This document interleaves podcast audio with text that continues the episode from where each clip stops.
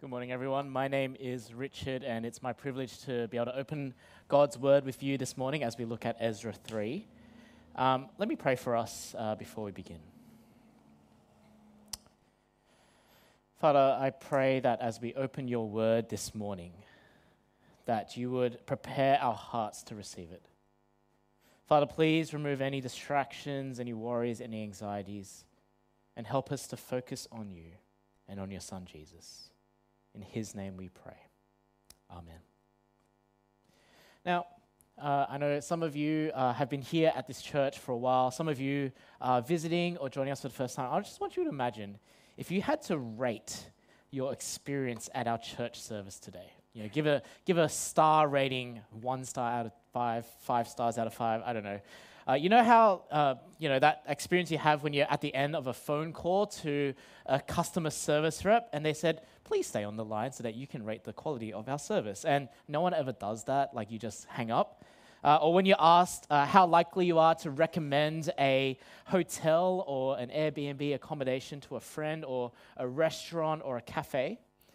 what if Mark, at the end of our service, uh, asked you to fill in our online Connect card and give this service a rating out of five, what would you base your rating on? What do you expect to get out of your time this morning?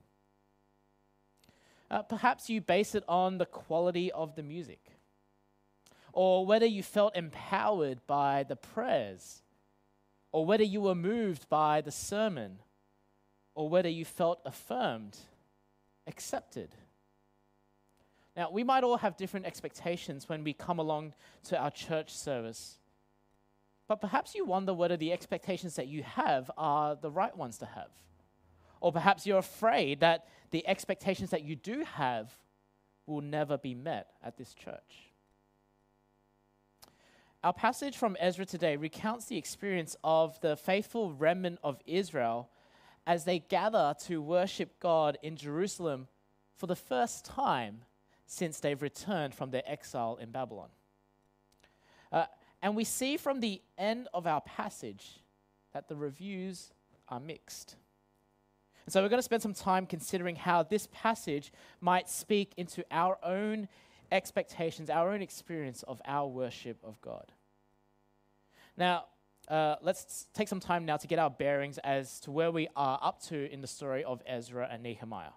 Uh, as Mark mentioned last week, we saw Cyrus, who's the king of Persia, uh, the big empire of the day. He pronounces a royal decree allowing the exiles of the southern kingdom of Judah to return to Jerusalem, which was their holy city, uh, and enabled them to rebuild their temple, the temple of the Lord, the God of Israel.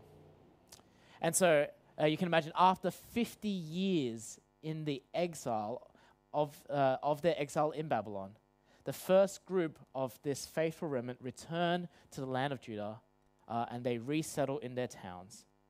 Uh, and then Ezra chapter 3 picks up in the seventh month, and we're told that they've finally settled in, and now they've gathered themselves into Jerusalem, the city which was once home to their temple. Now, I want us to uh, go uh, take us through a little thought experiment just so we can appreciate what's really happening here at the beginning of Ezra 3. Now, imagine hypothetically that at the next election, Australia voted in a government that was anti Christian. And they passed a law banning the worship of God, banning Christian worship all across Australia. And as part of enacting that law, they kick all of us out of our church buildings. Uh, and to make sure that Christianity is really stamped out, they, they banish us to the remote outback of Australia. And so, you know, we need to learn how to pitch tents. We need to learn how to live off the land because they're not supporting the Christians. We need to figure out a new and secret way to conduct church services that will fly under the radar of the government. And so, Christianity just doesn't look the same out in the outback. Now, imagine many decades pass, and the anti Christian government is replaced with a more sympathetic government who decide that they want to promote religious diversity. And they realize, whoops, uh, the Christians, we don't know where they, where they went off to. So they have to go, okay, the Christians, they're on the outback. We need to bring them back. And so the descendants of the Christians are living in the outback and they bring them back to the suburbs to reestablish their churches. And a bunch of them return here to Marsden Park. And they're led by Mark's grandson. Uh, let's, let's, call him, let's call him Zerubbabel. They discover an empty plot of land at Excelsior Avenue, and Zerubbabel Collins remembers his grandmother Rachel telling him of a glorious church building that once stood on that land where thousands of people would gather to worship every Sunday. And so Zerubbabel Collins, he gathers his faithful Marsden Park remnants at Excelsior Avenue. But the problem is, that the Life Anglican Marsden Park way of Sunday worship has not happened for a very, very long time. And so they ask themselves, what do we need to do to reestablish our identity and our way of worship? And this is the same question facing the Israelites gathered in Jerusalem it's been decades since they've been able to properly worship God in Jerusalem and in their temple. Now, Zerubbabel Collins might decide to use his grandfather's ancient Elvanto login to find out all of the preserved uh, service rosters and run sheets in order to figure out how to reestablish worship. But Zerubbabel, son of Shealtiel, has the law of Moses. And we have the law of Moses uh, today in the first five books of our Bibles. We have Genesis, Exodus, Leviticus, Numbers, and Deuteronomy. And Zerubbabel likely had access to the same thing. Now, for centuries, the law of Moses had provided the framework for Israel's worship of God. And so, the first thing that Zerubbabel does, along with his priest buddy uh, Joshua, is to build an altar. Why an altar? You think, uh, you know, they've been brought back into line to build this temple. You think they get started straight away on rebuilding the temple. But their priority is the altar. And verse 2 in your Bibles there tells us why. Uh, then Joshua, son of Jozadak, and his fellow priests, and Zerubbabel, son of Shealtiel, and his associates, began to build the altar of the God of Israel to sacrifice burnt offerings on it in accordance with what is written in the law of Moses, the man of God. The Israelites prioritized the altar so that they were able to uh, offer sacrifices, sacrifice burnt offerings straight away. Why is this important? Now, uh, whenever we think about burnt offerings and sacrifices, uh, we turn to the book of Leviticus, which was in the book of, uh, in the law of Moses. Uh, and in Leviticus, Leviticus chapter 1, verse 4, it explains to us that the burnt offerings are given to make atonement between God and his people. Now, if you're unfamiliar with the idea of atonement, it's a word that captures the idea of being cleansed from your sins because the blood that is required for those sins has instead been shed by the animal, which is the burnt offering. The result of atonement is reconciled relationship with God. And according to the law of Moses, before anyone could come before the presence of God to worship, they needed to make atonement for their sins. And this is why the altar is placed at the entrance to the tent which contained and represented God's presence, uh, what Israelites refer to as the tabernacle. Uh, the tabernacle was the presence of God. And so you would come to the altar first to, uh, to offer your sacrifices before you then came to worship God. And this is why the returned exiles needed to construct the altar first before anything else so that they could be reconciled with God and so worship God in the right way. Now, with the altar built, the rest of the worship practices are able to follow. And we see what the law of Moses stipulates next in verse 4. Then in, then, in accordance with what is written, that is, what is written in the law of Moses, uh, they celebrated the festival of tabernacles with the required number of burnt offerings prescribed for each day. After that, they presented the regular burnt offerings, the new moon sacrifices, and the sacrifices for all the appointed sacred festivals of the Lord, as well as those brought as free will offerings to the Lord. See, not only does the law of Moses establish, uh, reestablish the sacrificial system uh, that enables uh, Israel to make atonement for their sin in order to worship God, it also establishes a schedule of festivals that were crucial for Israel to express their national identity. And the first festival that the returned exiles, uh, returned exiles celebrated is the Festival of Tabernacles. Now, this Festival of Tabernacles is a week long celebration uh, which involved bringing offerings to the altar every morning, and it involves sitting in tents. Just imagine sitting in a tent. Oh, you would have because you went to the outback, right?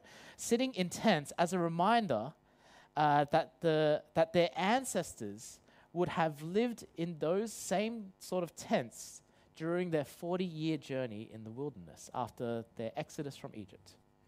And so the festival taught and reminded Israel of God's faithfulness, of God's faithfulness in rescuing uh, the Israelites out of Egypt and into their promised land. Now, imagine for a moment that you were one of those returned Israelites. You're sitting there, you're celebrating the Festival of Tabernacles for the first time since you've been exiled. Uh, you're offering sacrifices on the altar, you're sitting in these tents, and you come to realize that you're not just remembering God's faithfulness to Israel in the Exodus all those generations ago, but you're also recalling your very own experience just then of His faithfulness to you during your years in exile and all the way to your return into the land that you're sitting on that day.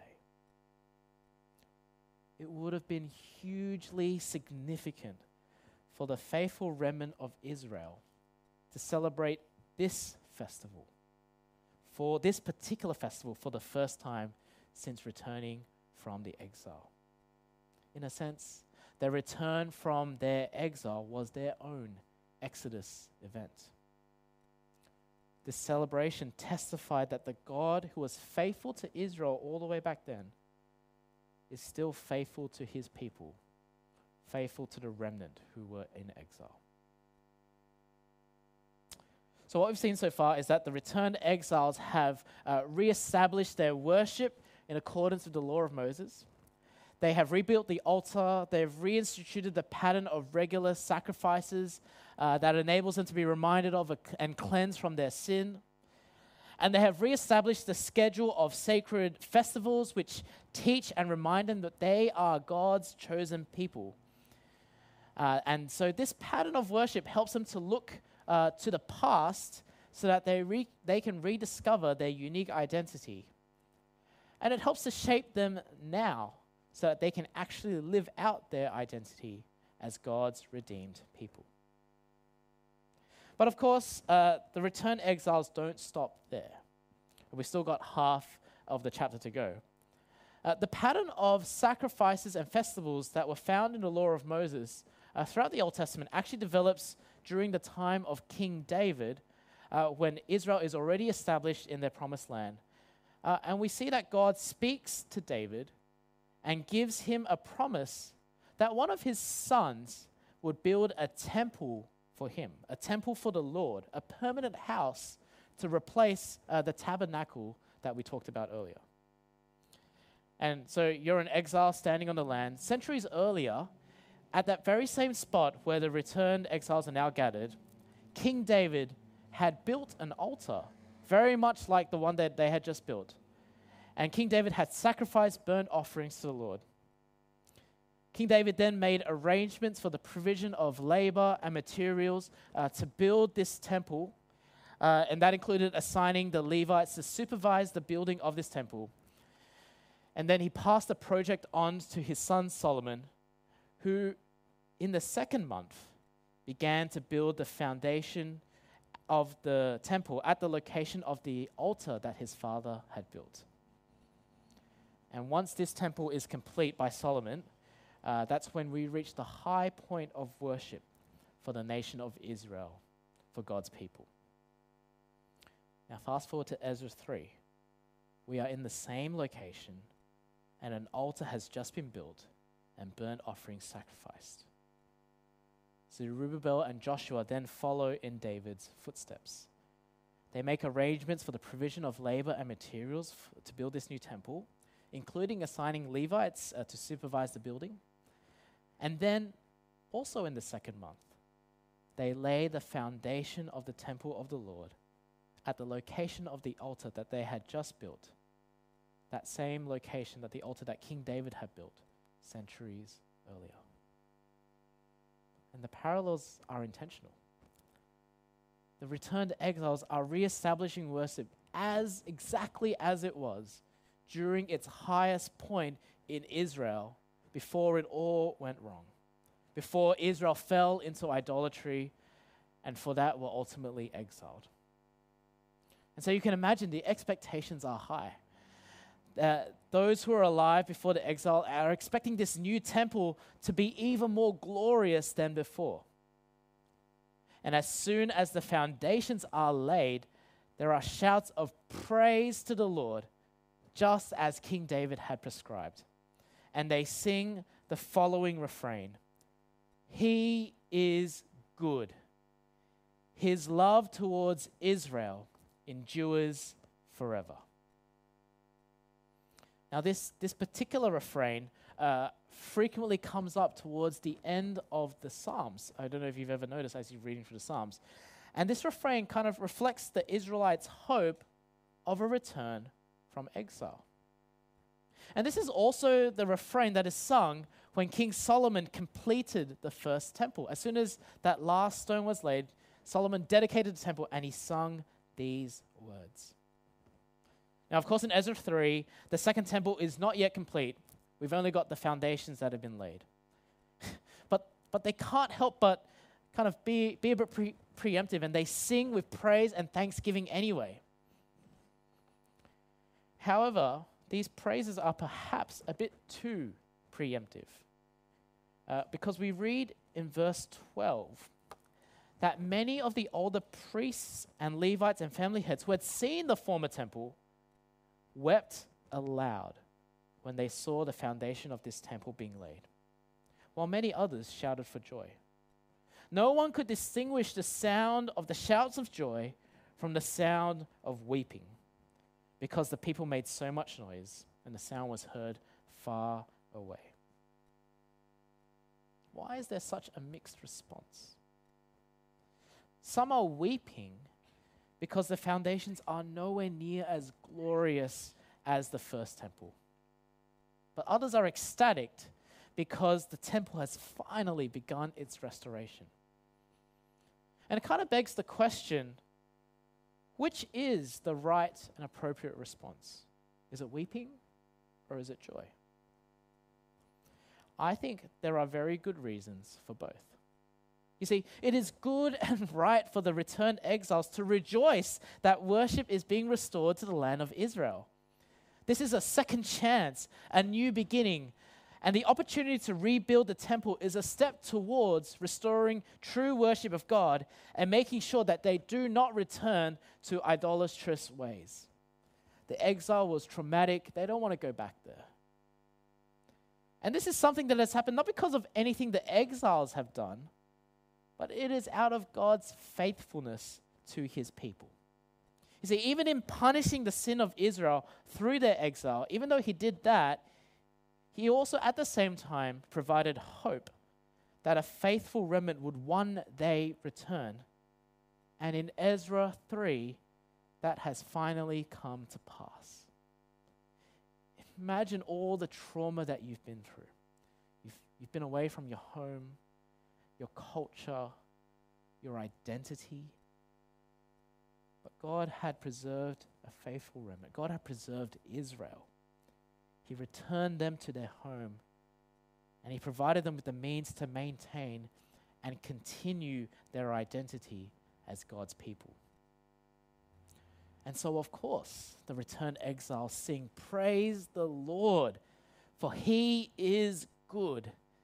His love endures forever.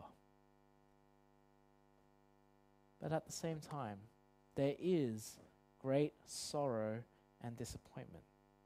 Yes, God's people have endured, and the second temple is slowly taking shape, but it is a far cry from Israel's golden age.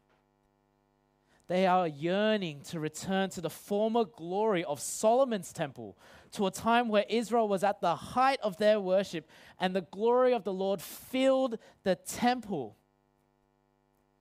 And friends, it is good and right for the returned exiles to yearn for these things. Uh, the prophet Ezekiel, uh, during the exile, had received a vision from God that the glory of the Lord would return and fill the restored temple in Jerusalem.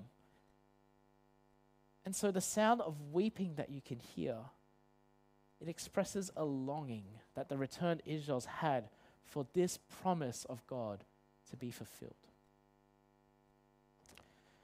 There are good reasons for both responses. And in fact, it might even be right to embrace both. You see, to respond in joy acknowledges God's faithfulness in rescuing the remnant from their exile, just as he rescued Israel in the Exodus.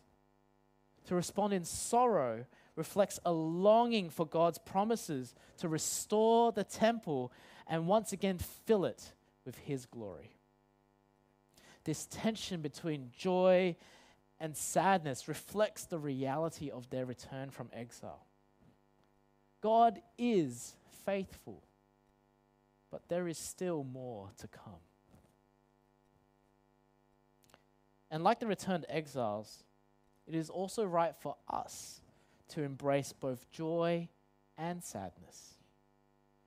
But it is not quite for the same reasons.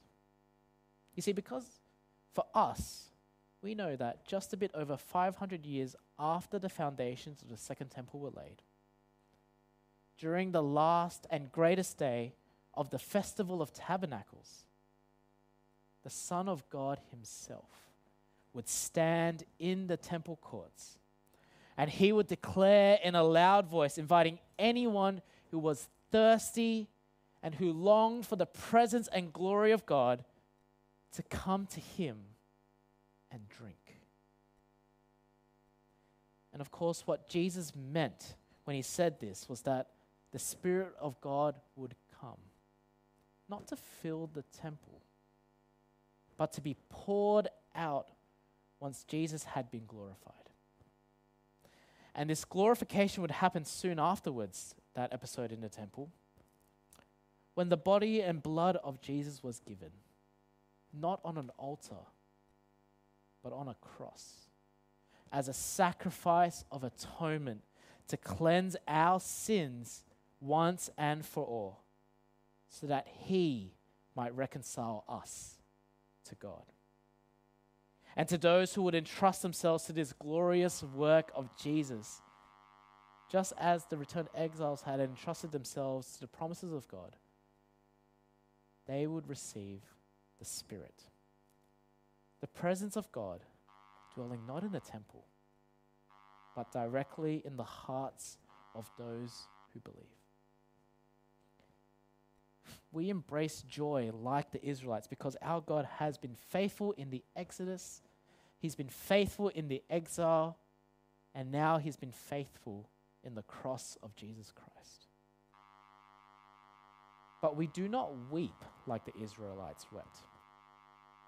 Because the presence of God no longer needs a rebuilt temple. Rather, the resurrection of Jesus has made us the temple of the living God. However, we still have reason to be sorrowful. You know, as good as it is that the sacrifice of Jesus enables us to worship God with our lives, as good as it is to have the Spirit of God dwelling with us always, we know there is still more to come. The exiles had hope of returning to Jerusalem so that they could once again come to the dwelling place of God. but we look forward to the return of Christ, who will bring in the new Jerusalem, the place where there will be no more weeping, no more sin, no more death, and where God Himself will dwell among His people. And in the meantime, we wait with longing and with great expectation, though often still with disappointment and sorrow in this world, especially when we all know that there are so many reasons to mourn. But as we wait, we do not gather in sorrow around a temple which reminds us of the glory days that are far, far behind. No, we gather in hope around the cross, around the empty tomb, which remind us that there is still more glory to come. Friends, what are your expectations when you come to worship God? When we read Ezra 3 in light of the gospel of Christ, we learn more about what it looks like to worship God's way. Most importantly, we learn that, the, that when we worship God, we worship Him because of His love and faithfulness to His people. The God who brought back Israel back from the exile is the God who rescued humanity from their spiritual exile through the gospel of Jesus Christ. And so when we come to worship God, we expect to hear God's word because in it we hear of God's love and faithfulness in the gospel. Just as the returned exiles look to the law of Moses and to the Psalms of David, so we look to the scriptures as contained in the Bible. And when we hear God's word, we expect to respond in confession and repentance, asking for forgiveness and submitting in obedience. Just as the law and the Psalms directed the exiles to make atonement and praise, so the gospel reminds us to entrust ourselves to the atonement found in Jesus, to the praise of God's glorious grace. And we need to be reminded of this constantly. You know, just, had, just as the Israelites had a, a schedule of festivals, a schedule of sacrifices to teach and remind them of God's love and faithfulness, so also we need to be reminded constantly. And so we expect to be reminded of the gospel every time we gather together for our church service, every time we partake in the Lord's Supper. Every time we sing together, every time we meet in our life groups, every time we open the Bible, every time we pray, every time we enjoy fellowship with one another. Friends, this means that worship is more than just our gathering at church on a Sunday. We worship every day. Notice how the law of Moses prescribed daily sacrifices. That's because there is not a single day that we can live without needing to be reminded of the gospel. And, friends, when we are reminded of the gospel, we are reminded that God dwells with us now in anticipation of his presence among his people in the New Jerusalem. And so we expect to delight in God's presence. And we expect to delight in gathering with His people.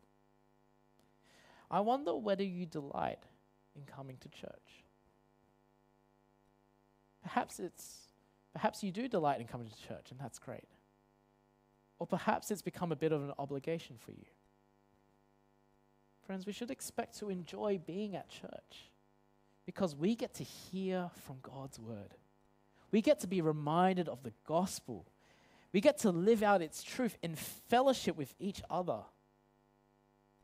This is what keeps us going when life is difficult, when relationships are hard, when energy is low, when discouragement is overwhelming. We should expect to delight in coming to church, but at the same time, we should expect to feel disappointment and sorrow because we know that there are better things to come. No longer will we have to face the brokenness of this world. No longer will we have to face the limits of our bodies, the consequences of our sin. No longer will we be in spiritual exile. But our disappointments will turn to celebration, and our sorrow will turn to joy as the Lord Jesus returns to bring us into the New Jerusalem and into our final eternal worship of the God who dwells with his people forever in glory. What do you expect when you come to church? I expect that we will sing just as the Israelites sing. We will sing, Hallelujah, our God is good. His love to his people indeed endures forever.